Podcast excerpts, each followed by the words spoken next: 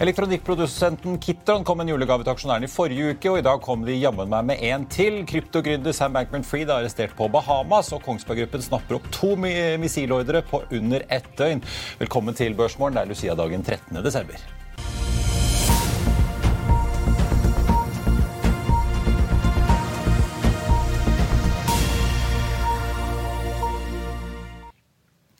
En riktig god morgen alle sammen, og velkommen til Børsmorgen her hos oss i Finansavisen. Jeg er Marius Thorensen, og med meg har jeg aksjekommentator Karl Johan Månes. Vi får straks besøk av Trond Omdal i Pensum Asset Management. Hovedveksten på Oslo Børs endte så vidt ned 0,03 i går. Det med Markets venter at vi tikker oppover hele 0,6% fra start i dag.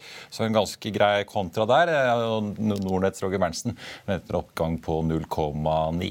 På Wall Street så vi markedene tikke oppover i går. Da bare får vi si i hvert fall i dag timer før vi får da disse famøse inflasjonstallene for november måned for amerikansk økonomi, som blir avgjørende da før rentemøtet i Federal Reserve da i morgen. Dow Jones endte opp 1,58% SMP 500 1,43 og Nasdaq nesten 1,3 i går.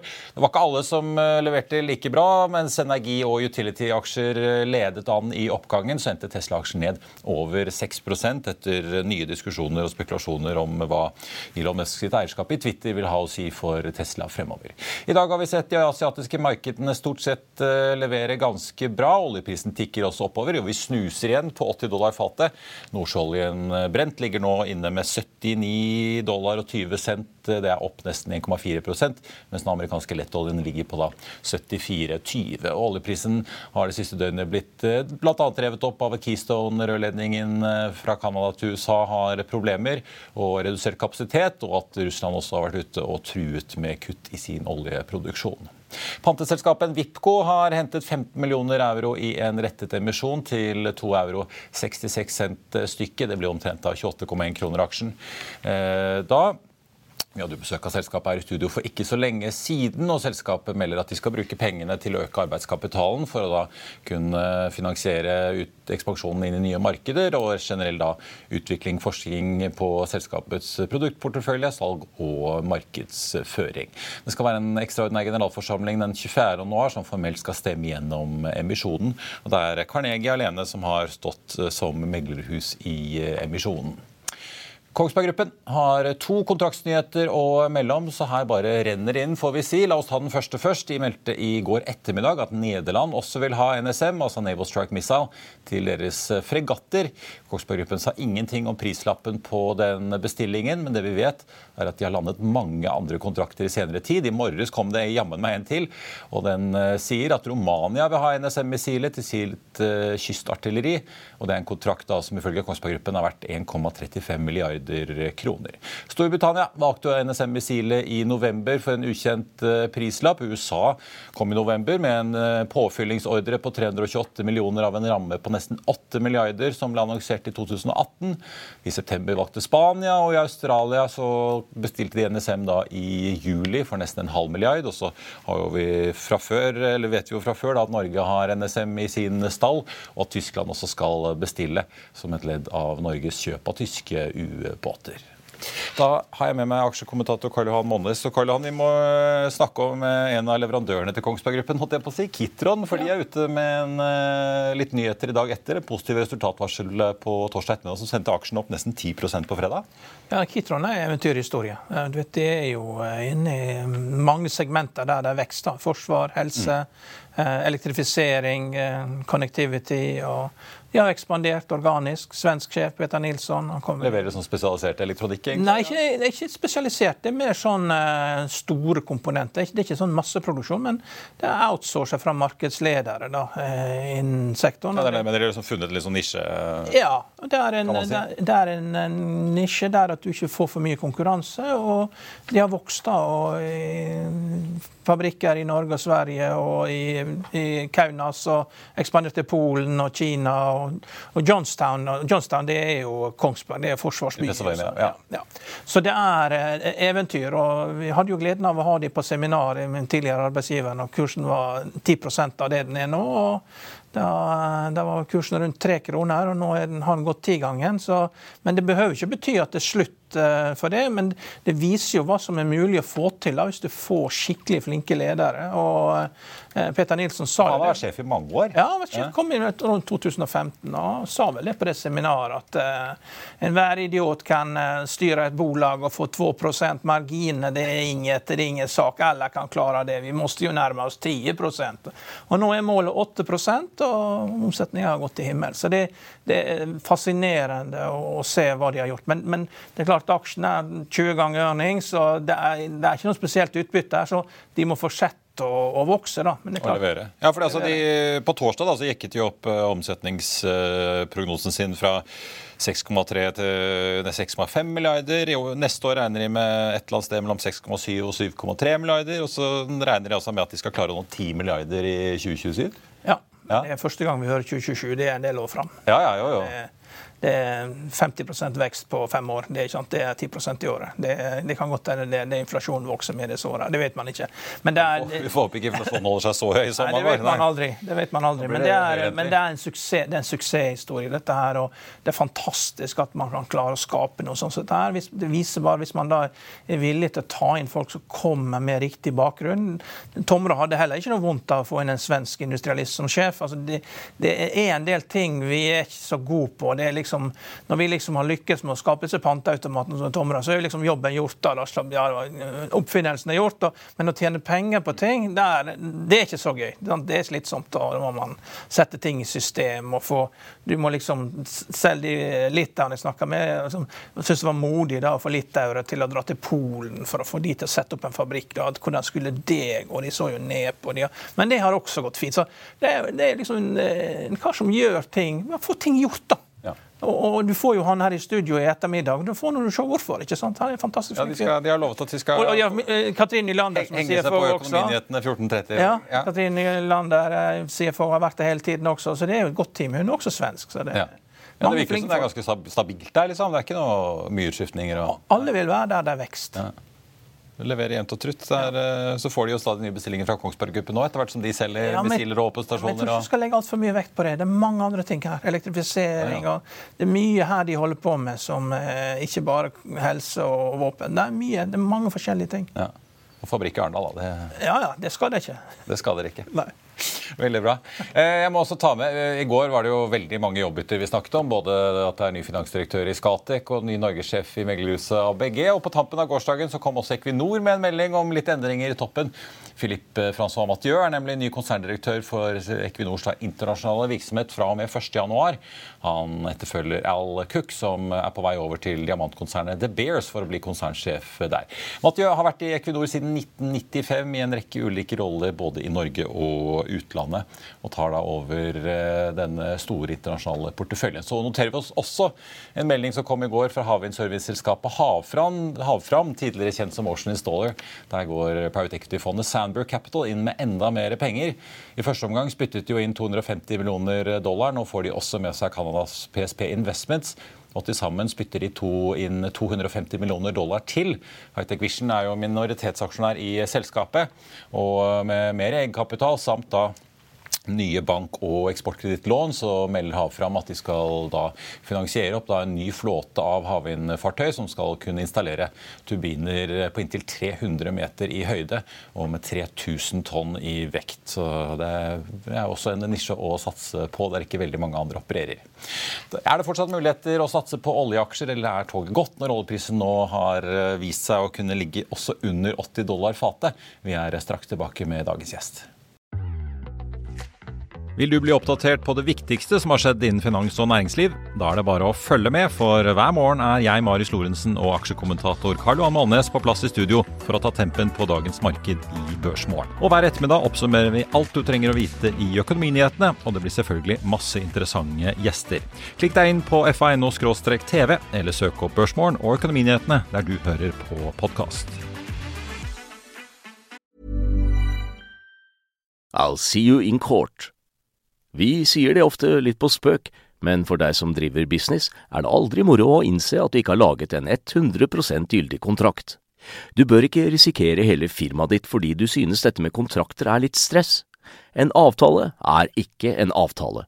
Du kan miste kunder, miste venner, ja, til og med miste inntekter om du ikke lager en skikkelig kontrakt, på alt mulig, egentlig. Men vi vet det er et styr. Kopimaskiner, treg printer og haugevis av papir. Dessuten stoler vi jo på folk her i landet. Det er ofte litt kleint å skulle be om en signatur for alt mulig, ja, for mye av styret handler også om jakten på underskriften. Det finnes en enkel måte å løse dette på, Dukkobit, en trygg, effektiv og get this, gratis måte å sikre seg en god natts søvn pluss en juridisk bindende avtale. Dukkobit-appen har de strengeste sikkerhetskrav i bunn, samt en EU-godkjent og sertifisert teknologi. Framover vil det bli behagelig å spørre du, skal vi skrive under på det, eller? Kom i gang på dokobit.no.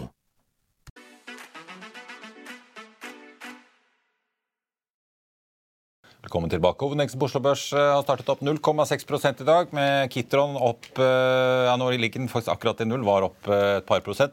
Kongsberg Gruppen stiger 0,6 da på nyheten om to nye missilordre fra Romania og Nederland. Da skal vi snakke energi- og oljeaksjer. Vi har med en veteran i både olje- og finansnæringen som er med på å forvalte et fond som både satser på olje og grønn energi, og åpner for retail-investorer. Trond Omdal i Pensum, velkommen. Takk skal du ha. Pensum Energy. Pensum Global Energy. Ja, ikke sant. Det er sånn det skal være. Du, dere startet jo egentlig dette fondet, det fins vel knapt bedre timing, i mars 2020.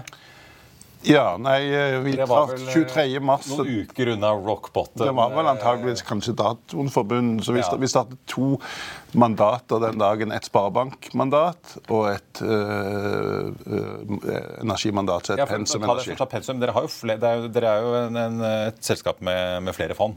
Ja, eller, eller øh, vi er en formuesforvalter som forvalter noe over 4 milliarder i øh, forvaltningskapital. I tillegg har vi øh, corporate finance-rådgivning og forsikringsmegling.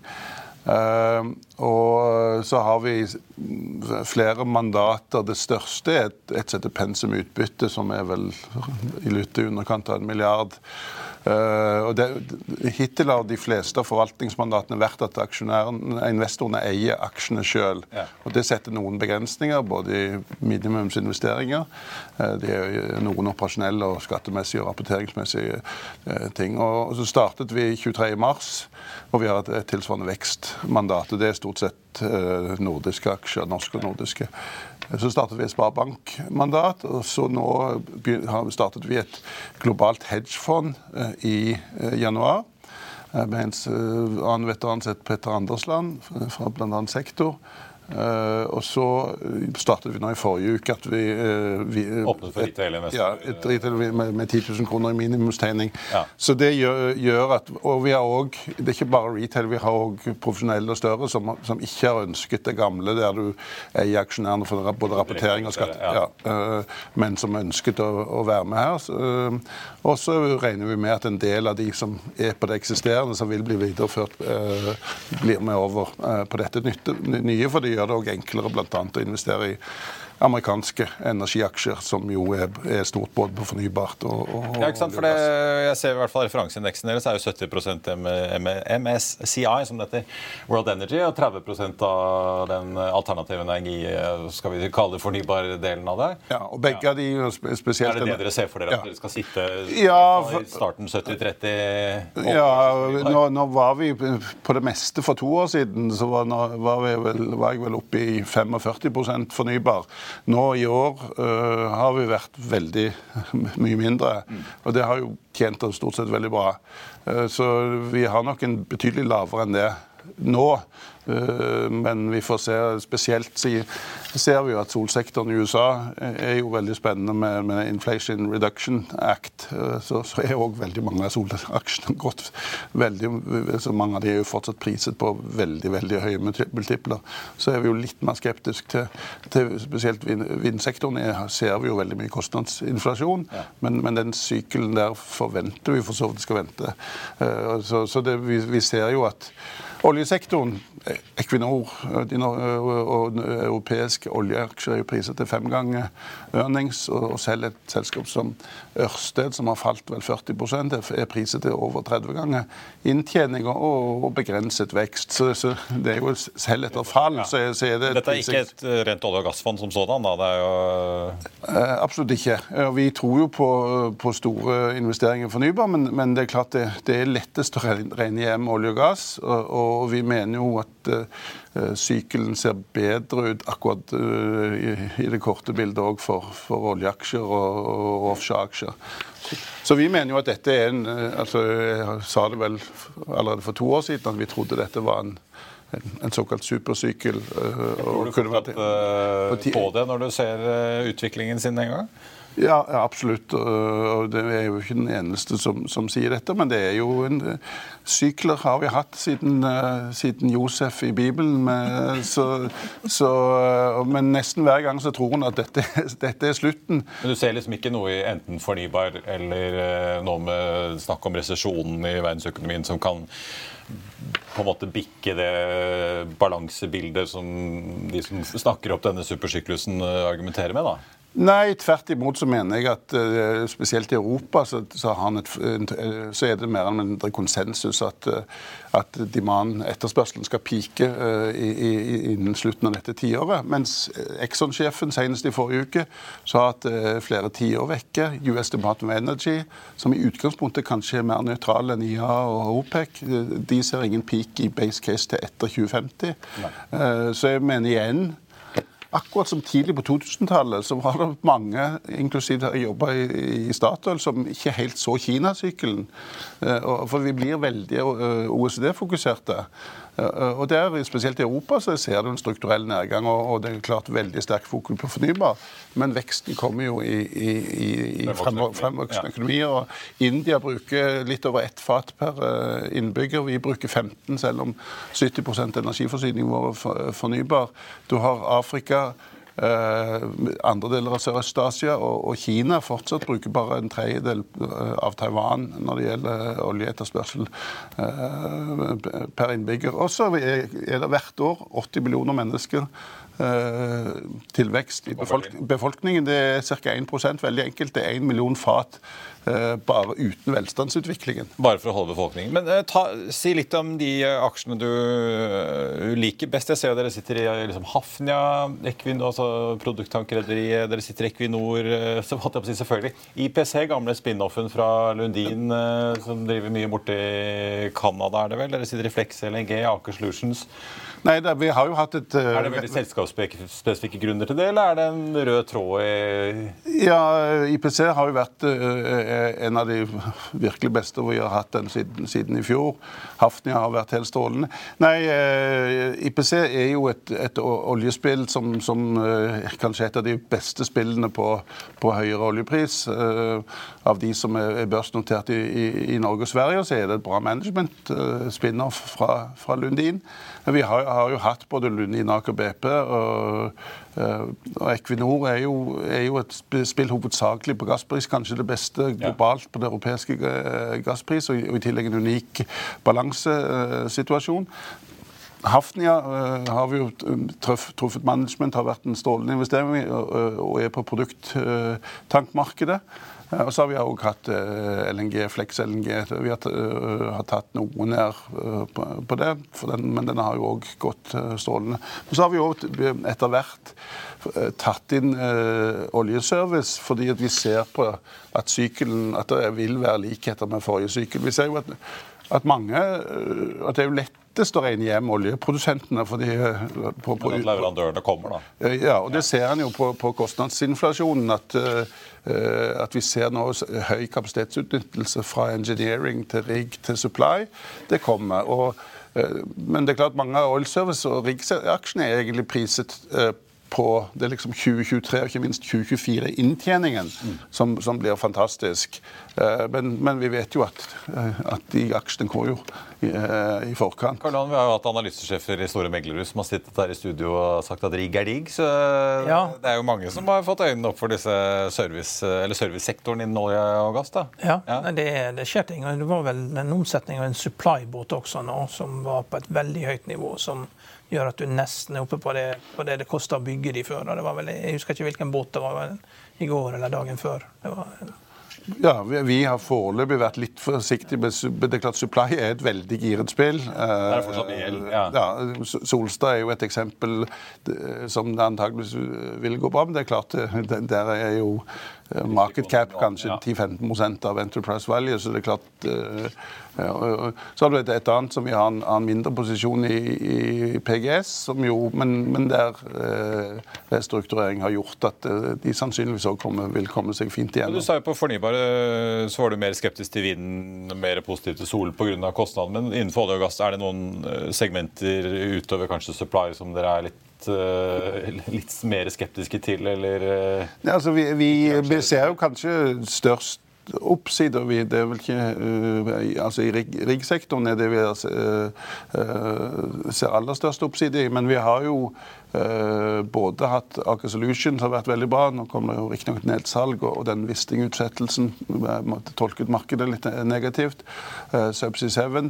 Men vi, vi, har, det er egentlig ikke noe spesifikt segment som vi ikke, ikke, ikke tror på uh, vil nyte godt av dette. Men uh, vi har vært forsiktige med de der det er for mye gjeld. og Dermed har vi vært forsiktige med, og er fortsatt ikke veldig med, med supply-sektoren, selv om vi jo Bidra til at fondet opp 62 Ja, ja vi, var opp, år, vi var opp 60, litt over 60 eh, per 30. november, og opp to, over 270% siden oppstart. Uh, og det til tross for at jo det har vært litt uh, turbulent i det siste. Vi har jo sett oljeprisen komme ned, og kanskje litt lavere enn vi òg trodde. For vi tror jo òg på på høyere priser at eh, det, det er jo ikke både Kina, eh, Kina-covid-nedstengningene, som kanskje har vært noe lenger enn en mange trodde, som nå kan bli en viktig driver på oppsiden. Og så trodde en jo, når eh, Russlands invasjon av Ukraina, så trodde jo IA at kanskje tre millioner fat skulle forsvinne umiddelbart. Det er vel kanskje 200 000-300 000 fat. Og, og, i november så fikk du et flush der du faktisk eksporterte mer. Eh, enn andre. Og Så har du hatt OPEC, som var under press til Biden, under Biden og, og, og i høst produserte for fullt uten begrensninger kuttet i oktober, og Biden holdt vel nesten på å kansellere våpenavtaler. Men kanskje, kan, ja, kanskje begynte de å kutte, kutte, litt for tidlig. Og så har du hatt selvfølgelig tømming av eh, nedtapping av strategiske nødlager, som nå fases ut. Eh, sannsynligvis er avsluttet i slutten av måneden. Så det er, det er jo ganske mange drivere her som tilsier at at oljeprisen kanskje så et bunn. Og så er det selvfølgelig inflasjonsfrykt og finansielle aktører som, som, som sier at ja, ja, tidligere de siste par resesjonene så, så, har oljeprisen falt 20-30 Jeg tror Du har jo vært ute og jobba også i internasjonal oljeindustrien. Da. Så hvor mye var vel Iran? var du ikke jobbet og Saudi. Og, Saudi ja. så, så, hvor mye ser du i den der eh, avtalen med Saudi og Kina? Hva er det som, er det som blir reelt der? Hva tror du skjer der? Tror du at det, de vil begynne å selge i kinesisk valuta, eller? Hva tror du? Nei, altså Det siste er vel at jeg, eh, at jeg tror fortsatt Saudi ønsker uh, å ha dollar. At det er de, som, ja, det, det, det, de stort sett handler for. Ja. Jeg så vel en rapport i går. Så men, men, Kina vil vel kanskje presse på det. Klart Kina har, uh, er den uh, viktigste Xi var jo i Ria der for ikke mange dagene siden. Ja. Er den viktigste kunden. det er der mye av oljen går. Så, men fremdeles er jo USA sikkerhetspartneren deres. Eh, og både alt fra våpen til forbruksmateriell er det jo kjøpes eh, fra, fra Vesten. Jeg tror du at USA vil bygge opp igjen lagrene sine igjen? fordi at de har jo blitt nettoeksportør og er stor produsent. Er det, er det viktig å ha lagre, eller tror ja, du at de Testen er vel Joe Biden har jo sagt 70 ja. Han, han kjøper på 70 dollar, altså på VTI-prisen. Hvis han ikke gjør det, hvis han ikke gjør det, hva skjer da? Testen er vel om han faktisk begynner, eller de, USA begynner å gjøre det. Nei, og vi, det er absolutt sterke argumenter for at du ikke trengte så mye. Uh, men foreløpig er det ikke noen diskusjon rundt det. Tvert imot så er diskusjonene rundt at den har ønsket å kjøpe på, på 70 dollar, som kanskje setter et gulv. Det er jo òg grunner til det, at du ser at på 70 dollar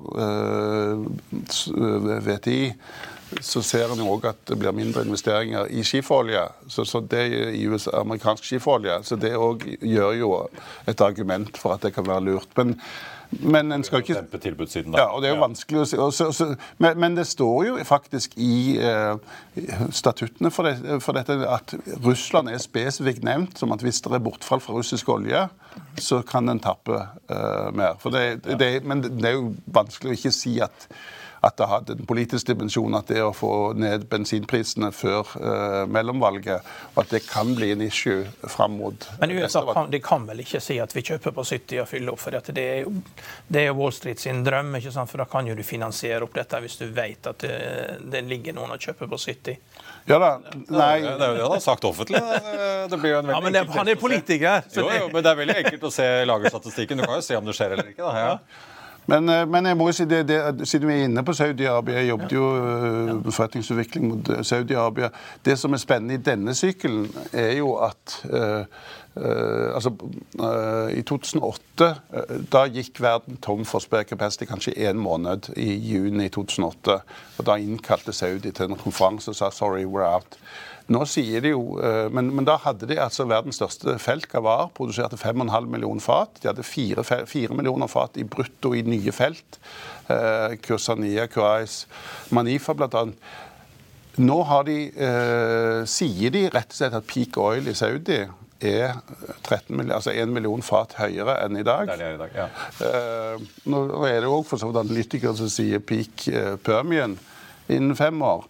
Eh, men, men, det får vi se. Det har vært et fullskap å predikere eh, peak eh, Permian. Men, men, det er klart Saudi Du ser jo det bl.a. på, på riggselskaper, og, og, vi har eksponering mot, mot jackup-markedet. Altså de støvsuger markedet for jackup.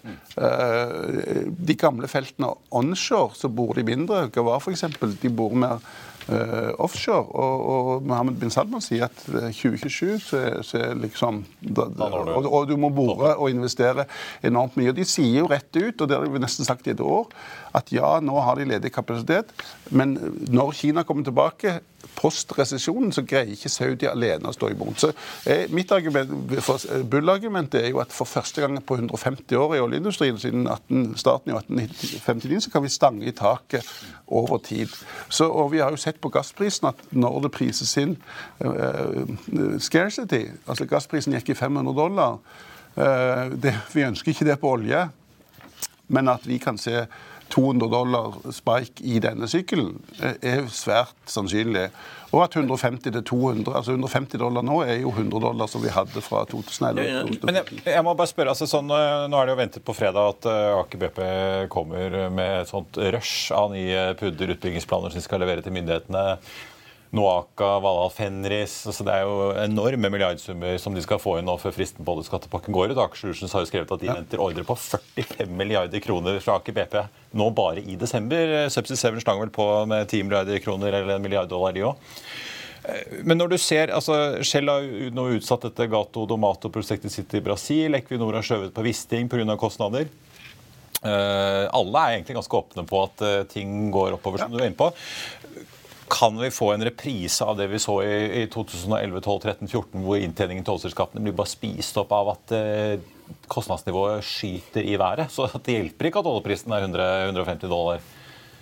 Ja, ja altså kostnadsinflasjonen liksom komme. Og kap ja, ja, ja, ja, noe av det. Ja, men det er litt forskjell i denne at selv den skatteordningen som kommer etter 2023 men ikke minst den midlertidige. Men òg de som kommer etterpå, så har du direkte utgiftsføring.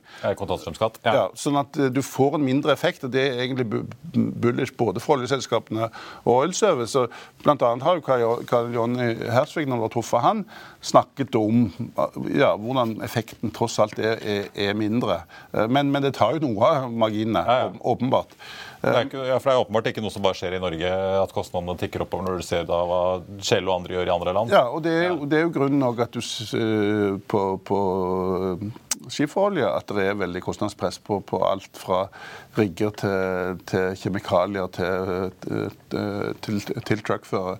Og det gjør jo òg at hvorfor en tror at gulvet, altså, altså supply-kostnaden antakeligvis ligger på 80-90 dollar, som, som, i utgangspunktet bør sette et gulv. Og vi er ikke en analytikere som sier at egentlig så, altså det, risikoen er asymmetrisk at antageligvis er det et gulv her.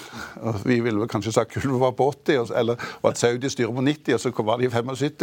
Eh, men at oppsiden, at det er større oppside enn nedside på olje. Og så er jo gass Gass er jo veldig vanskelig å si, fordi at hvis Russland og Tyskland ble venner eh, igjen, så, så, kan jo gassen nå Gassen er jo nå på 250 dollar fatet. Da, da, kunne han kommet ned til 20. Eh, det, det er ikke langsiktig.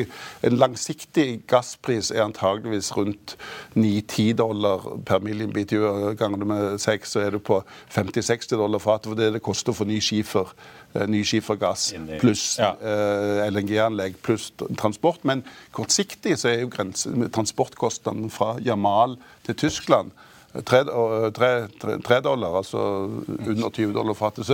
Men foreløpig ser det ikke ut som tyskerne eller europeerne, eller hvis du hører på generalsekretæren Stoltenberg, at vi blir venner eh, med det første. Og da er både Exxon ute og Japan som LNG-kjøper at da er det faktisk ikke nok gass eh, før kanskje 2025-2026. Det er ikke nok til å gå around. Apropos, apropos, gass, det er ikke ofte man har folk som har jobba i Iran. og Nå er det fotball-VM i Qatar, og de har jo blitt steinrike på eh, gassfeltet da utenfor. Jeg jobber faktisk med forretninger. Ja, ikke sant? Og på andre siden av Persiabukta så er jo det tilsvarende gassreserver på Irans side.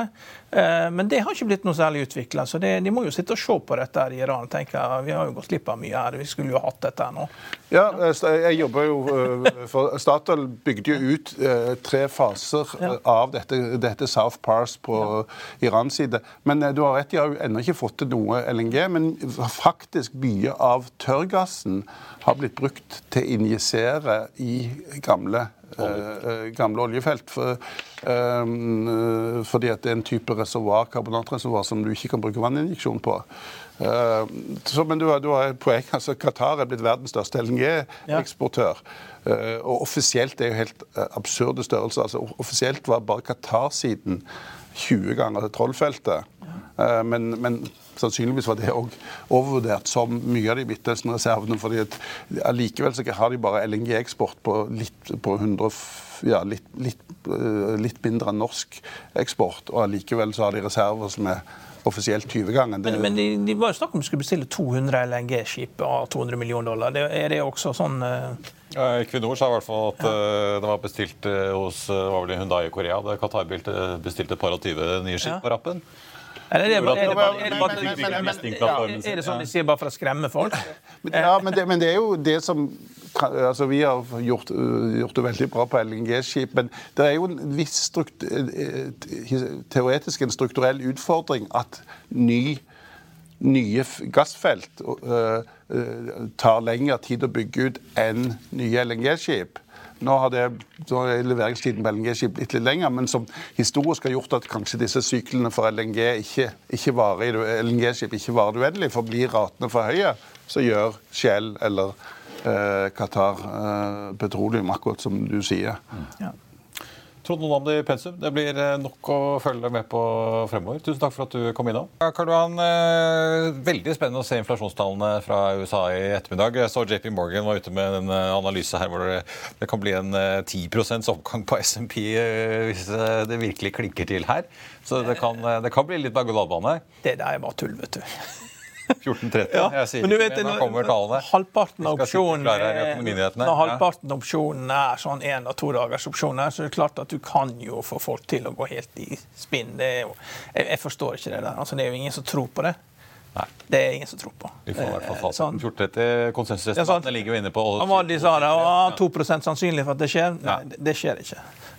Konsensus er i hvert fall 7-2-7-3 er det vel på, på prisveksten. Da kommer, da kommer, Jerome Power. Hvis markedet går opp med 10 etter uh, rett inflasjon, da blir det trippelheving. Da blir det trippelheving halvtime senere. Møtet blir framskynda. Bare sånn smukk, smakk, smukk. Altså. Dere forstår ingenting. Må høre på hva jeg sier. Ja, sånn, Hør på hva jeg sier, dere skjønner ingenting. Du, vi må snakke kort om uh, Sam Bankman-Fried, arrestert uh, på Bahamas uh, etter forespørsel fra påtalemyndigheten i Southern District of New York i føderale myndigheter.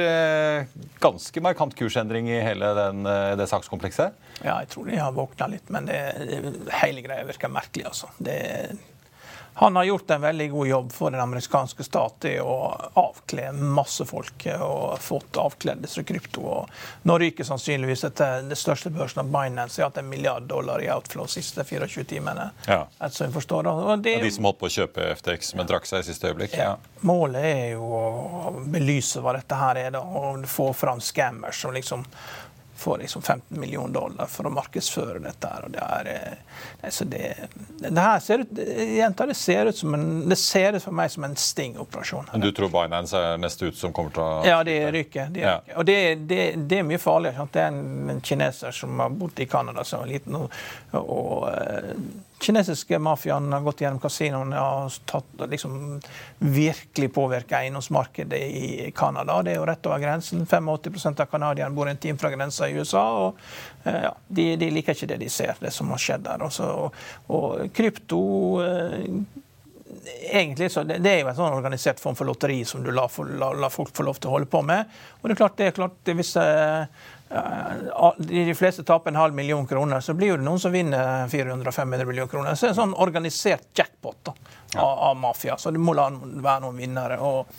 eh, det, det, det, pandemien da gjorde at det ble mye større enn det burde ha blitt, og det skaper ustabilitet i økonomien. og Det, det går ikke å ha, å ha, dette som en sånn voksende byll på siden der, at alle blir lurt av uh, influencers. og Folk er lett, litt for lett å lure. Ja. Og Det ser vi jo fra Nigeria-brevet i Norge, hvordan, hvordan, de har fått lov til å leve. Folk, det er helt utrolig hva folk tror på. Ja, ja. I hvert fall så skal jo da han eh, begjæres utlevert til USA, ser det ut som. Så vi får uh, følge med hva som skjer uh, videre. Takk skal du ha, Karl Johan.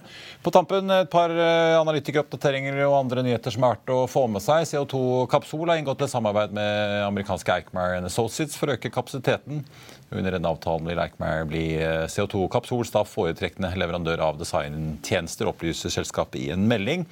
Så en liten sveip innom tank. Eh, maktkampen da mellom Jon Fredriksen og den belgiske rederfamilien Savarys den fortsetter. Mellom 6. og 12. desember så har da Savarys-familien eh, sitt selskap CMB kjøpt litt over 2 millioner aksjer i Euronav for snaue 40 millioner dollar. Og de eier da 25% av aksjene i Euronav, ifølge en melding til SEC da, som kom på eh, mandag. Eh, Frontline er for øvrig opp 1,7 i dag til rett under 142 kroner aksjen. Berenberg har regnet litt på Storebrand. Det er ikke så lenge siden Storebrand hadde kapitalmarkedsdag. De oppjusterer nå kursmålet fra 100 til 109 kroner, opprettholder kjøpsanbefalingen. Storebrand ligger opp 2,1 i dag til 86 kroner og 9 øre. Ellers så har Kitron mistet en god del fart nå etter eh, at de kom med børsmeldingen om sine nye mål, hvor de altså sikter seg mot en omsetning på 10 milliarder innen 2027. Aksjen er nå ned 1,7% Kongsberg Gruppen tikker oppover 0,6 da på nyheten om eh, både missilordre fra Nederland og eh, Romania. Og Det var børsmålen for den eh, tirsdag 13.12. Husk å få med deg Økonominyhetene 14.30. Da får vi også med oss ledelsen i Kitron. I mellomtiden så får du siste nytt på FA1 og gjennom hele dagen. Ha en riktig god børsdag alle sammen. Takk for nå.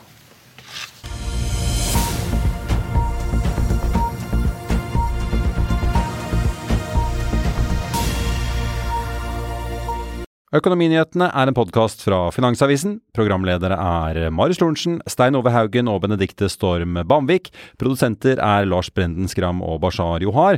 Og ansvarlig redaktør er Trygve Hegnar.